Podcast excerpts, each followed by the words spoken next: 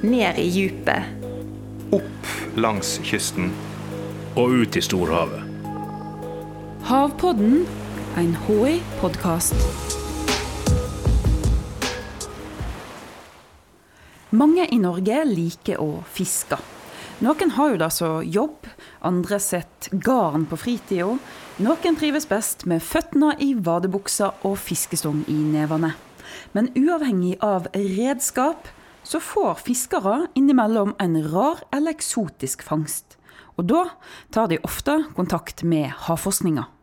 Jeg heter Åtte Bjelland, og jeg jobber med forskjellige ting, egentlig, innenfor eh, gruppa fiskeridynamikk.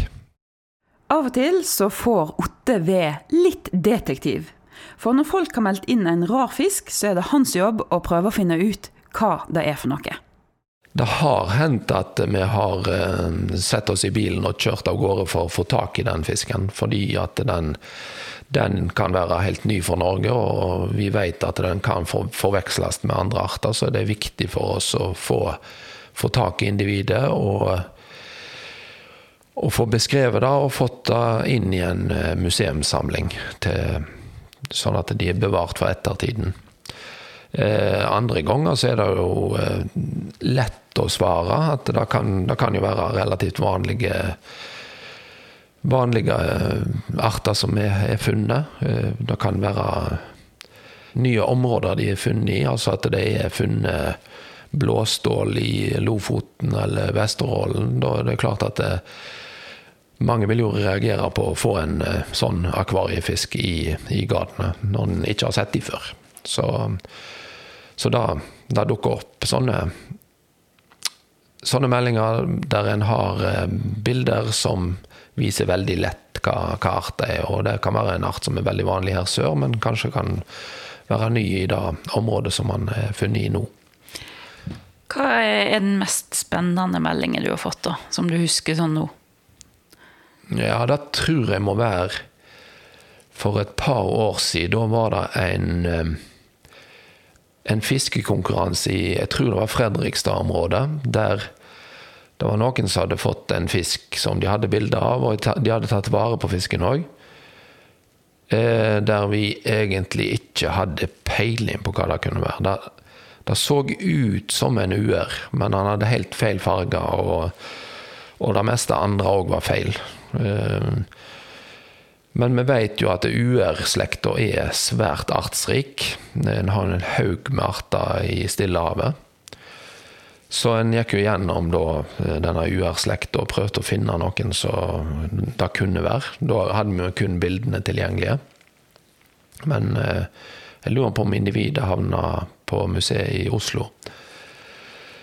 Eh, og det ble vel Jeg, tror, jeg lurer på om det der ble fanga opp av i sånne artsfiskegrupper på Facebook. Ehm, det er veldig mange flinke amatører rundt omkring i, i landet som, som, driver og, og, leter etter spennende fisker og fisker de.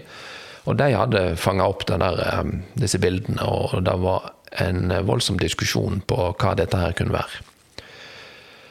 Ehm, og jeg lurer på om faktisk Eh, det var noen inne på den gruppa som sjøl hadde kommet på et godt forslag.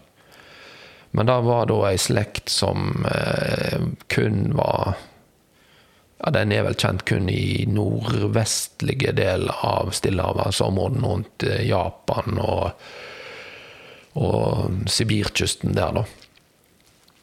Men når vi gikk nærmere inn på det, så nærmere på på bildene så viste det seg at ja, jo, det var en eh, det var altså en uerart som eh, hører til rundt Japan. Uh, men så fant vi noe annen interessant informasjon om den arten. og det var at Han, var, han hadde blitt spredd uh, via ballastvann i Stillehavet før. Eh, så da var jo spørsmålet om dette her kunne være tilfellet. Om det, det, var en japansk art, eh, og at den var kommet til, til våre trakter gjennom en sånn transport, altså ballastvann. Og når en fikk eh, sett individet skikkelig og artsbestemt det skikkelig, så viste det seg at det var en ja, det var en japansk UR, rett og slett. Og den fikk da det norske navnet som, som den ble gitt, av var marmorert berguer. Japaneren var nok en litt tilfeldig turist i Østfold. Vi har faktisk en del turister i våre farvann. Som regel kommer de fra lengre sør i Europa, og så slenger de innom norskekysten på sommeren. Men noen av sommergjestene de har likt seg så godt at de har meldt flytting permanent. Da er det jo nærliggende å tenke på sånne arter som Sankt Petersfisk, eh, og mulle gjerne òg, eh, som som en eh, Der er det jo litt sånn interessant at nå har vi jo nesten slutta å få meldinger om de, for de er blitt såpass vanlige, og folk kjenner de. Og jeg, vi ser de dukke opp i eh, ja, ulike sånne poster på Facebook, i, i ulike sånne grupper der, så, så ser en at ja, nå hadde de fått uh, Sankt Petersfisk igjen. Og en ser òg at det er dratt et stykke videre, at nå ser en de ferdig tilberedt og, og, folk er klar over at det er god mat. Eh, sånn at det, det er både fangstbilde og det er gjerne bilde av den eh, middelhavsretten som de har prøvd å lage ut ifra den fangsten. Ja, for Hvor kommer f.eks. Sankt Peters fisk fra? Hva, hva, er det for en fisk, og, og, og hvor, hvor begynte han? ja, ja, altså da Går jeg ned på et uh, fiskemarked i, i Sør-Europa, så ser en jo St. Petersfisk som en av de kanskje mest uh, Ja, en, en uh, luksuriøs matfisk, da. godt priser og, og, og Så det, det er jo en art som en forbinder gjerne med Sør-Europa, at det da er en vanlig fisk der. Og den er jo eh, den er vanlig i, i Middelhavet og, og, ellers i, i Sør-Europa. Eh, og det samme gjelder jo egentlig mulle, som, som eh, var tidlig beskrevet i ja, eh, I Romerriket var jo da en ettertrakta eh, matfisk allerede da. Beskrevet fra den tida.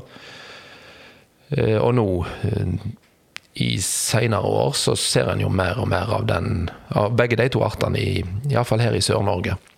En ser yngel i norske farvann. En ser kjønnsmodne individer, og egentlig ja, utgytte individer. Så, så, det er nok godt mulig at de, de, de mullene og de St. Petersfiskene vi har her i Norge, at de er ekte nordmenn, de òg, holdt jeg på å si. Altså at de, de de er født og oppvokst her. Men eh, når disse eh, artene går fra å være feriegjester til å bli fast, eh, fastbuende, altså hvorfor skjer da nå, mens de før bare var på besøk? Ja, Det er jo nærliggende å, å, å, tro at det da henger sammen med temperatur i sjøen. Uh, I og med at dette her er arter som er utbredd, eh, eller hovedutbredelsen lenger sør, så er det jo det er nok uh, grunn til å tro at det er temperaturer som gjør at de nå eh, ser ut til å bli vanligere her hos oss. Otte og kollegaene hans får mange meldinger hvert år. Noen ganger er det egentlig en ganske vanlig fisk. Andre ganger viser seg over en som haiker fra hi side av jorda. Men uansett er meldingene fra folk veldig nyttige for forskerne. For det er viktig at vi vet hvem som holder til i havet vårt. Altså, Vi har vel forplikt, internasjonale forpliktelser på, i forhold til å ha oversikt over biodiversiteten i, landet vårt. Det er nå én ting. Eh, men for å forstå økosystemene, så er det, er det viktig å, å, vite hva, hvem som bor, bor, der, for å si det sånn. Eh, hva arter vi har i, i, økosystemet. Hva er den rareste fisken du har sett? Eller styggeste? Åh, oh, ja, det er ikke godt å si. Det blir sånn Da må jeg jammen tenke. Jeg tror det blir helt umulig å svare på. det er Det er jo sånn at uh, for en fiskebiolog så er jo eh, ingen fisker er stygge, liksom. Og eh, eh Nei, jeg det. Ikke litt engang? Ikke litt stygge? Nei, jeg, eh, nei, jeg kan ikke si det, altså. Hva er den fineste fisken du har funnet? Nei, det er jo òg Du vet, alle er vakre. Alle er fine. Det er, det er nesten En kan se skjønnhet i, i, all, i all fisk.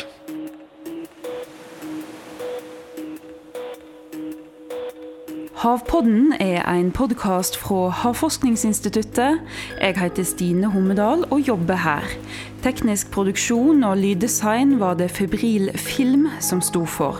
Og du, du hører snart igjen.